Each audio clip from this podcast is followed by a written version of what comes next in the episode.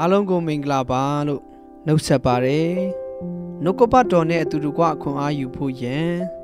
ဖျားတတ်နိုင်ခြင်းအပေါ်ယက်တီပါဆိုတဲ့ခေါင်းစဉ်အောက်မှာအတူတကွခွန်အားယူဖို့ဖြစ်ပါတယ်138ကြိမ်မြောက်ဆာလံအပိုက်ငယ်73ကိုဖတ်ချင်ပါတယ်တင်းဒီငါကိုလေးခြင်းငါပြင်းထန်စွာတွန်းတော်လေ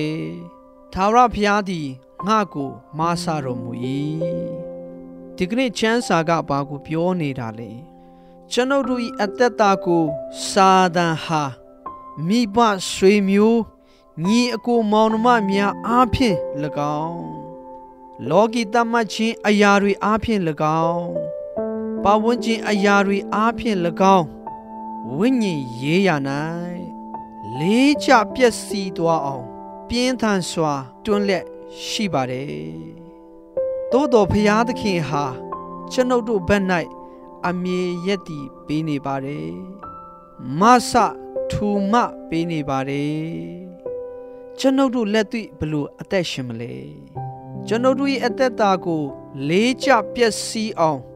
မိသည့်အရာကပြင်တိုက်ခိုက်တွန်းလှန်နေသည်ဖြစ်ပါစေ။ဖျားသခင်သည် ကျွန်ုပ်တို့ဘက်၌ရှိ၍ မဆပေးနိုင်သည်ကိုယုံကြည်ပြီးအသက်ရှင်ရမည်ဖြစ်ပါတယ်ဆုတောင်းကြရအောင်အဖဖျားယုံကြည်သူများ၏အသက်တာတွေ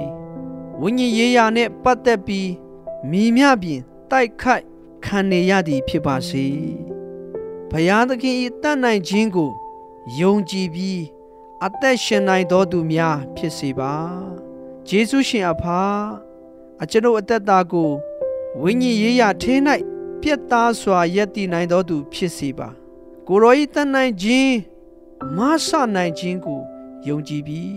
အသက်ရှင်တတ်တော်သူ ဖြစ်စေပါယေရှုနာမ၌ဆုတောင်းပါ၏ဖျားအာမင်အလုံးပေါ်မှာဖျားကောင်းကြီးပေးပါစေ